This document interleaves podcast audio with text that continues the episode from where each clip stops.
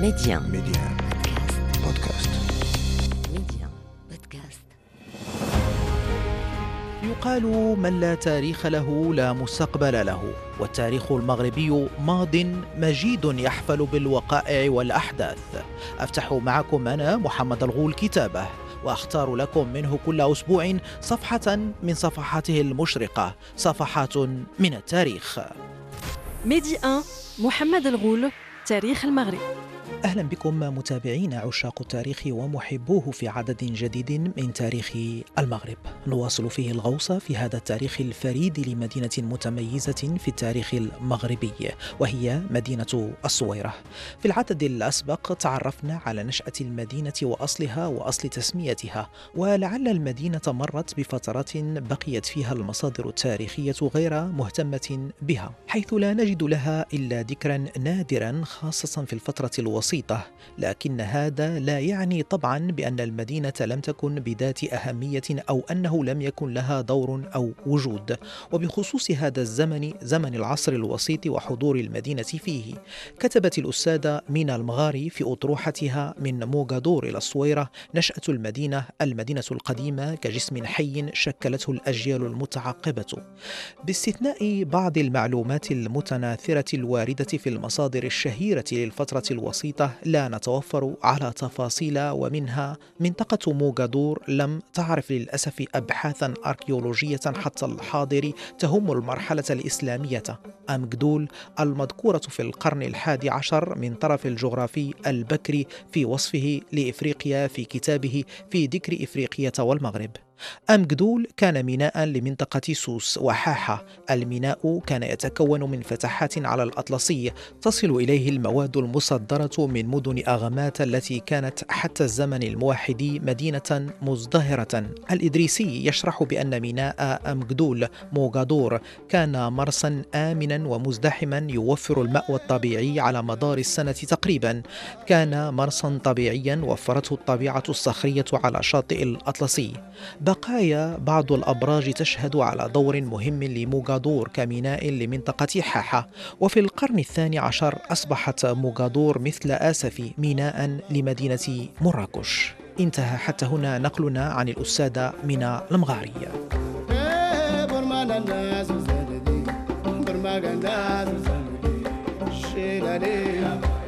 أجي عنا حرمت Zorosena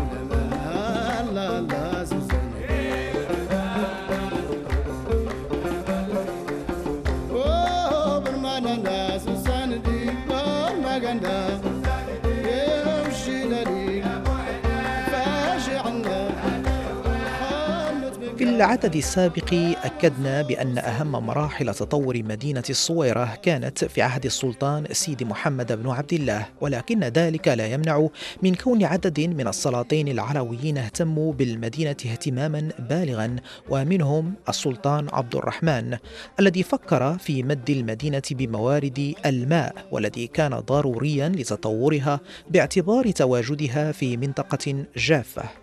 وفي هذا الخصوص يقول أحمد بن الحاج الرقراقي الرباطي في كتابه الشموس المنيرة في أخبار مدينة الصويرة تحت عنوان كبير خلافة مولاي عبد الرحمن بالصويرة وجلبه للماء الشروب إليها في أيام سلطته. يقول أنه عند تولي المولى عبد الرحمن كان من جملة من وفد عليه جماعة من أعيان أهالي الصويرة لتهنئته بالملك وتقديم بيعة أهل بلدهم فقابلهم كغيرهم من وفود البلاد وأذن لغيرهم بالسفر وأخر الإذن لهم حتى داخلتهم خواطر في سبب هذا التأخير ثم استدعاهم وطيب خاطرهم وقال لهم إنما أخرتكم لما لكم عندي من المنزلة وكنت أتأمل في مكافأتكم فظهر لي أن أحسن مكافأة لكم هي إيصال الماء الجاري لبلدتكم لعموم نفعه لكل فرد منكم خصوصا الضعفاء والأرامل والايتام ثم وصلهم وأذن لهم بالسفر ووجه أحد المعلمين الذين لهم معرفة بجر المياه وهو المعلم محمد المزود المراكشي فباشر ذلك وعمل ساقية أوصل بها الماء من فوق قرية الديابات إلى المدينة ولا زال إلى الآن يقال لها ساقية المزودي وبعد إتمام عملية الماء المذكور طلب من السلطان أن يوجهه لأداء فريضة الحج مكافأة له على عمله فوجهه وتوفي هناك رحمه الله.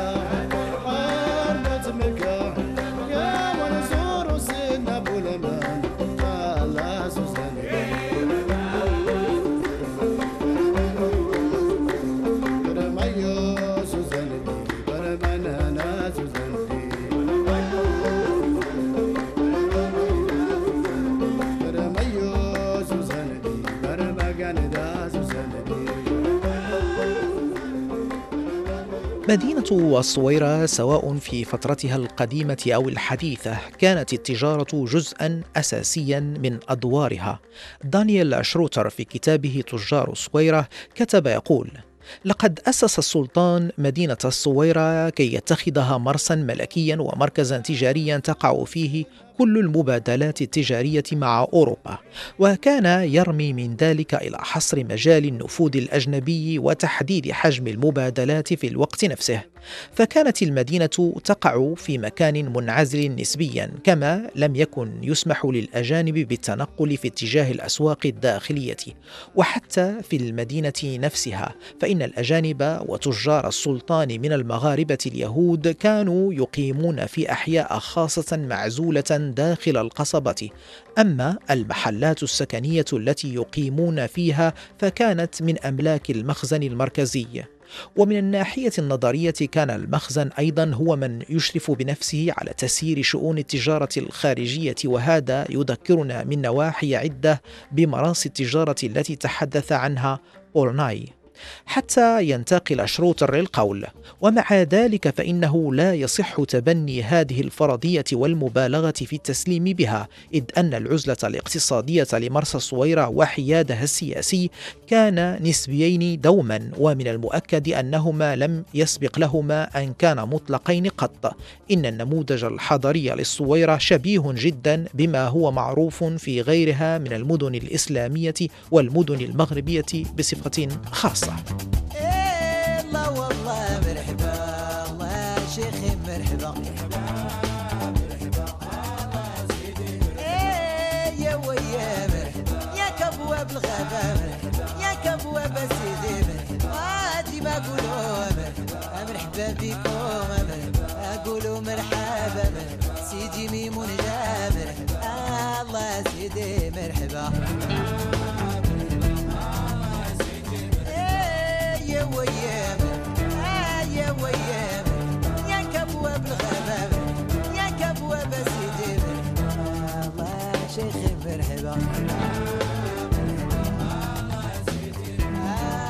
مدينة الصويرة في أدوارها هناك من يقول من الباحثين في تاريخها أن دورها العسكري الدفاعي كان أبرز وأسبق عن دورها التجاري حيث لعبت دورا عسكريا مهما. وفي هذا الإطار يقول دانيال شروتر في كتابه تجار الصويرة من الواضح أن السلطان سيدي محمد بن عبد الله كان يتوقع من بناء المدينة الجديدة أن يعزز مكانة المغرب ويدعم قوته وأشار أحمد الغزال وهو من حاشية السلطان إلى أن مصب وادي أبي رقراقة صارت الرمال تسده مدة شهرين في السنة.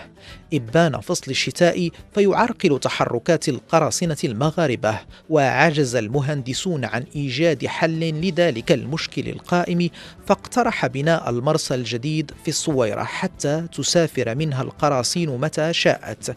وكان ما ذهب إليه الغزال من أن الهدف من بناء الصويرة كان هو الدفاع عن الإسلام في مواجهة الكفار يكسب تأسيس المرسى الجديد مشروعيته. والواقع أن أنشطة القراصنة المغاربة التي كانت تعتبر عمليات بحرية مشروعة تناقصت حتى تلاشت.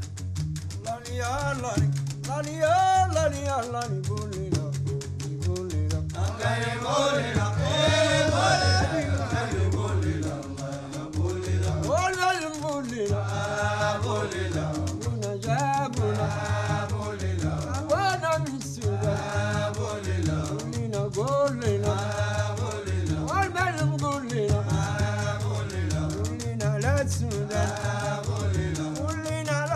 دائما في إطار الدور العسكري للمدينة نعود إلى كتاب الشموس المنيرة في أخبار مدينة الصويرة لكاتبه أحمد بن الحاج الرقراقي الرباطي. وننقل عنه أنه كتب تحت عنوان الجيش الذي كان بالصويرة وكيفية ترتيبه. كتب تقدم أول الكتاب أنه كان بالصويرة جيش عدده 2500 واستمر ذلك الجيش بالصويرة إلى أيام السلطان مولاي عبد العزيز وإن كان يقع فيه زيادة ونقصان وتغيير بحسب الأحوال الوقتية وكانت له مؤن ورواتب شهرية وكسوة تفرق عليهم مرتين في السنة كسوة مناسبة للشتاء وكسوة خفيفة للصيف. Olé.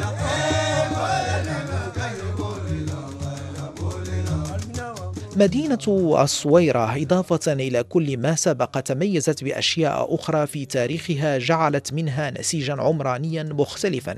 فساكنة المدينة كانت متعددة المشارب ولم تقتصر على سكان المنطقة المحيطة بها بل تجاوزتها إلى كل مناطق المغرب ومن خارجها. وكما كان لليهود المغاربة حضور بارز فيها حتى تم عدهم بنسبة ما بين حوالي 30 إلى 40% من ساكنتها في بعض الفترات حسب ما نقله دانيال شروتر في كتابه تجار الصويرة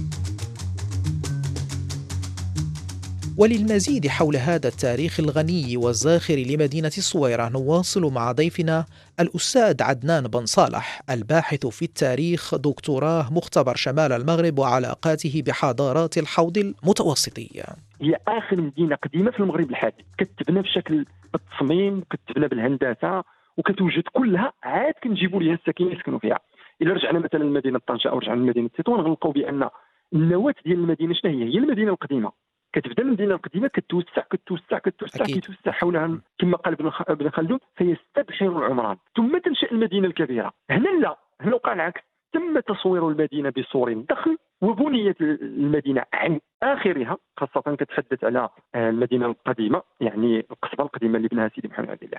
ثم أحضر إليها المكونات الاجتماعية والثقافية واليهود والمسيحيين والمسلمين يسكنوا فيها. جاب لها كي قلت لك ممثلي البعثه القنصليات نزل المخزن. نعم هذا سأتحدث عنه أنا بإيجاز باش نقول بأنها أخذت الاسم ديالها كمدينة تقريبا مع مرحلة محمد بن عبد الرحمن. استكملت المدينة القديمة مع المدينة الجديدة. فكل ما هو اليوم من استقلال دابا هو موجود خارج صور تاريخ المدينة يستحيل تبني داخل المدينة.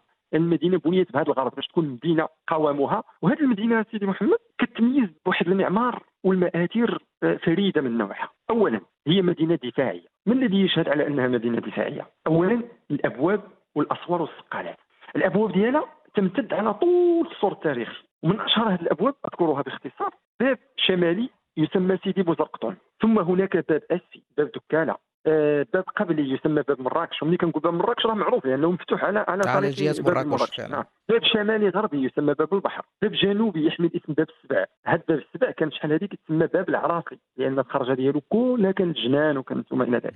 وهناك أبواب أخرى هي داخل محيط المدينة مثلا باب المنزه باب سوق جديد باب المشور باب محمد أم سعود كيتعرف دابا مشهور كيسميوه باب المكانة. آه باب بني عنتر باب القصبة باب اكوتام ومجموعة من الأبواب اللي كتشهد على أن هذه المدينة أول المدينة. صممت بمعنى وكل وكل باب من هذه الأبواب إلا ويقود إما إلى حي وأنا أود سيدي محمد لو لو أنني أتحدث معك وأنت سبق وأنا أشاهد فعلا من يرى وأنت تشاهد أنا من, من يرى كما ليس كمن يسمع. أنا سبق نعم. لي زرت المدينة أستاذ عدنان وأعرف عما تتحدث تقريبا. نعم مرحبا. اذا اذا قلت أن هي مدينة في أصلها الطبيعه دفاعيه تجارية اقتصادية. اقتصادية تجارية الدور ديالها الميناء ودفاعية لأنها جات باش تحمي أي تفكير مثلا من هجوم أسطول بريطاني أو أسطول برتغالي أو أسطول إسباني أو أسطول فرنسي. لأن يعني إحنا بقينا مهددين إلى غاية يعني إلى غاية كما تعلم القرن العشرين أكيد اذا كيشهد كيشهد على أنها مدينة دفاعية. قلت الأسوار والسقالات هذه الأسوار الأبواب والأسوار والسقالات الأسوار ديالها مثلا السور ديال القصبة الجديدة. هذا شرع في تشييده على عهد السلطان كما قلت. سيدي محمد بن عبد الرحمن ربما حوالي 1863 أو 1800 أستاذ عدنان قبل ما توصل كنظن جزء من هذه المهام الدفاعية كان قد كان كذلك في ال في ال ما تركه البرتغال يوم البناء لأنه هم كذلك اعتمدوا في البناء ديالهم في المدينة على هذه المهام الدفاعية دفاعا عن تواجدهم في المنطقة ربما أستاذ عدنان. صحيح أنا أشرت بداية كلامي بأن السيد محمد عبد الله أشار عليه آه، خدمه وحاشيته أن يؤسس مرسا في منطقة كانت آنذاك فيها واحد البرج دفاعي وفيها قصر ملكي تاع البرتغاليين. وقالوا له بأن هذه المنطقة هذه هي المنطقة الوحيدة اللي كيضرب فيها واحد التيار بحري كيساعد السفن تدخل. ما عندهاش السفن فين تدخل إلا في هذه المنطقة. قال لهم مرحبا توكلوا على الله. إذا جات الفكرة هي هذه فكرة ساعد فيها المناخ وساعد فيه ما كان متواجدا قبل من منشآت برتغالية. منها ما دك دكا وسوي بالارض ومنها من من بقي قائما ولا يزال يعني أثره قائما إلى اليوم. مثلا آه، المنطقة التي فيها اليوم آه، باب البحر والسقاله يعني كنقولوا حنا سقاله البحر كيسميوها سقاله الميناء. هذه السقاله الضخمة يعني ذات الارتفاع من أربع طوابق بالحجم ديال العمارة الآن إضافة إلى السور ديالها اللي العلو ديالو تقريبا واحد 12 متر. ثلاثة تحت الماء وما تبقى فوق الماء. هذا الجزء الأول كما قلت. والجزء الثاني هو الصور اللي كملوا آه، سيدي محمد بن عبد الرحمن بهدف التصوير النهائي للمدينة حتى لا تتعرض لأي خراب. مثلا من الأمور اللي استعنوا بها استعن بها المقدم المغربي هو تلك المدافع التي بقيت في حوزة المقاتلين المغاربة اللي صدوا الهجوم البرتغالي. أنا قلت لك بأن البرتغال دخلت في 1512 وخرجت تقريبا حوالي 1521 1526 كل هذا الشيء اللي بقى من عهد المقاومين الحاشيين الشياضمه وبقى من عهد الدولة السعدية واستثمرت فيه الدولة العلوية راه بقى كمنشات دفاعية. ف هاد آه، هاد آه، الصور ديال القصبة الجديدة كما أشرت جاء بهدف التوسعه إلى القصبة القديمة. علاش؟ من أجل إيجاد متنفس سكني للتجار المحليين والأجانب ولسكن القوات وممثلين المخزن أيضا لأن المدينة كبرت. ما بقاش المدينة ديال محمد بن عبد الله ولات المدينة ديال 1800 يعني مدينة القرن عشر. ثم هناك التحصينات. التحصينات الموالية لجهة البحر أو ما يعرف بالسقالات السقاله ربما راه كاينة في طنجة كاينة في المدن البحرية بحال الأصيلة بحال مدينة البريجة اللي هي جديدة بحال مدينة آه، أزمور كنعتقد كذلك. أزمور نعم. هذه السقالات السقالات مثلا هنا كاينة واحد السقالات سميتها سقالات القصبة مبنية فوق 40 مخزن. هذا المخزن تسمى الأهراء. هذه الأهراء. شنو هي الأهراء؟ كانت وظيفتها في الماضي حفظ الأسلحة والبارود وما إليها من الذخيره فضلا عن استعمالها محلات لإيواء العساس وقد تحولت اليوم إلى حوانيت لنجارة الخشب كما تشير إلى ذلك الدكتورة من المغرب في أطروحتها القيمة مدينة موغادور الصويرة دراسة تاريخية أثرية. وما زال إلى اليوم بنفس طبعها وبنفس عمرانها هذه كتدل لنا بأنه الوظيفة ديالها إحدى الوظائف ديالها هي الدفاع.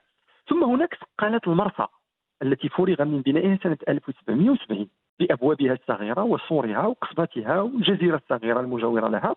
اضافه لواحد البرج تما سميتو برج محمد وبرج البرميل وهي تجمع بين العمارة المغربية الإسلامية والمؤثرات الأوروبية.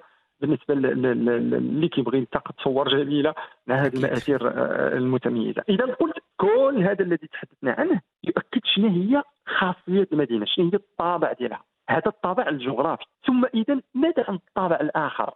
يعني نسميوه الطابع الحضاري. الطابع المدني الطابع الاجتماعي. الإنساني. الإنساني. إذا كاين التاريخ كاين الجغرافيا شنو ناقصنا الإنسان الاجتماع البشري بتعبير ابن خلدون إذا لا تكتمل المدينة إلا بساكنها وإلا بقاطنها إلا بمرافقها. هنا اسمحوا لي أخي محمد أنا اتحدث عن أبرز أو أهم المرافق الروحية أو المرافق الدينيه بالمدينة اللي كتجسد لنا في الماضي وفي الحاضر مظاهر ديال التعايش الديني والتساكن المجتمعي في واحد المدينة ماشي ككل المدن صراحة فعلا هي نموذج مغربي في التعايش والتساكن نعم. ما بين جميع فرقاء وأطياف المجتمع المغربي. صحيح. هذا التساكن بالمناسبة وهذا. تدبير الاختلاف. إذا جاز التعبير هو هو فرض على المدينة لنكون منطقيين واقعيين لأن سيدي محمد عبد الله أسس مدينه وجاءها وأمر القبائل أن تأتي إليها. من فاس من الشبانات من البواخر من من جميع المناطق. أظن بأن حتى الشماليين كانوا هنا. بالمناسبة كانوا دازوا على دازوا خمسة أنا حسبتهم خمسة ديال أمناء المرسى. بمعنى خمسة ديال الولاد ديال السلاطين العلويين كانوا أبناء تطوان وطنجة هنا مدينة الصويره يعني كان هناك تعمد من السلطان العلوي أن يكون هناك هذا التنوع في آه، الانساني آه، بجميع أطياف المجتمع المغربي في هذه المدينة. صحيح. ومثلا عندما كان يولي واليا أو عاملا عليه يختاروه من الشمال. لأن الشمال الذي خبره عريضه في البحر والتجاره فعلا. في اداره الصراعات في البحر الأبيض المتوسط. مثلا من الشخصيات الشهيرة جدا التي تولت ولاية الصويره محمد بن العربي الطريف اللي كان عندكم أنتم في مدينة طنجة في دار النيابة. كان كيتسمى ديك الساعة بحال منصب وزير الخارجية. هو اللي كان الرئيس ديال دار النيابة اللي عندكم دابا في مدينة مدينة طنجة بالبنايه الشهيرة ديالها. على أي قلت بأن هذا التعايش فرض ولكنه مع الوقت أضحى آه، خاصية المدينة جاب سيدي محمد عبد الله حتى واخا نتحدث شوية في الدارجه باش نوصل تفضل تفضل أستاذ عدنان تفضل. نعم باش نوصل الرساله جاب مجموعة من التنوعات البشرية إضافة إلى المخزن والناس وقال لهم شوف عندكم رقعة جغرافية عندكم أحياء. كل حي عنده حمام ديالو كل حي عنده جامع ديالو كل حي عنده هوية ديالو. سكنوا تعايشوا ما تعيشوش خلي ضربوكم بعبارة أخرى. بمعنى آخر هو أراد منها أن تكون مدينة خادمة للفكره ديالو هو أنها أولا مدينة تجارية دبلوماسية مدينة عسكرية تحمي المنطقة لأنه لأنها كتنوب على واحد الاقليم شاسع ثم أن تكون المدينة ينجح فيها اختبار التطوير الحضاري للمغاربة، المغاربة ماشي برابير، ماشي همجيين، ماشي متخلفين، ماشي دمويين، ماشي متعودين على السيبة كما كما كما كما كتبت الكتابات الكولونياليه، بغى سيدي محمد عبد أن يعطي الطابع الحضاري للمدينة، جاو لها طبعا المسيحيين، أما اليهود فقط كانوا سابقين لأنهم موجودين هنا في المناطق. ديال التوغارد موجودين في ححان موجودين في الشباب اليهودية راه. وصل الإسلام وهي موجودة هنا بمعنى. فذاك التعايش الذي كان في الأول مفروضا. مثلا أنا مشيت هنا للمدينة زرت واحد المنطقة لقيت واحد الدرب سميتو درب جبالة واحد المسجد سميتو مسجد جبالة. بمعنى آخر بأنه يحتمل وجود واحد العينة من القبائل الجبلية بمعنى جبال إما أن يكونوا جبال غمارة من جهة الريف أو يكونوا جبال جبال من جهة الشمال الغربي المدينة فجاءوا وتوطنوا هنا في هذه المنطقة. اذا هي طبعا كسائر المدن الإسلامية المغربية لأن في النهاية المدن الإسلامية اذا مشينا للقيروان ولا مشينا مثلا للقاهرة ولا مشينا لفاس راه كان فيها التنوع كان فيها التعايش. شنو الفرق سيدي محمد؟ هو أن هذيك المدن كانت كبيرة كان عندها امكانيه توسع. هذه مدينة صغيرة جدا مدينة صغيرة ولكن كيفاش قدرت تهز التنوع البشري كله؟ اذا قلت كسائر المدن الإسلامية والمغربية على مستوى التخطيط العمراني والتوزيع المجالي للمرافق ضروري أنها تتضمن المرافق الدينية والمرافق اللي كنسميوها اليوم مرافق روحية. فما هي أهم هذه المرافق اولا نذكر غنبدأ بالزوايا.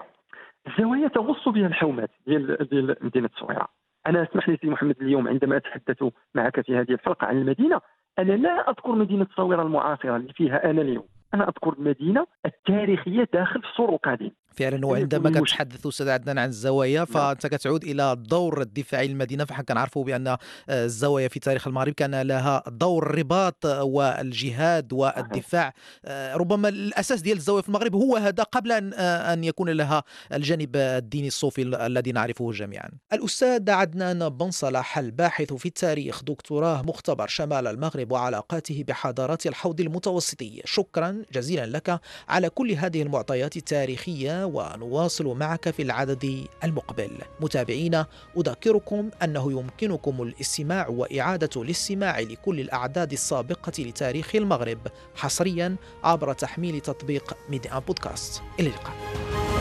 ميدي أن محمد الغول تاريخ المغرب.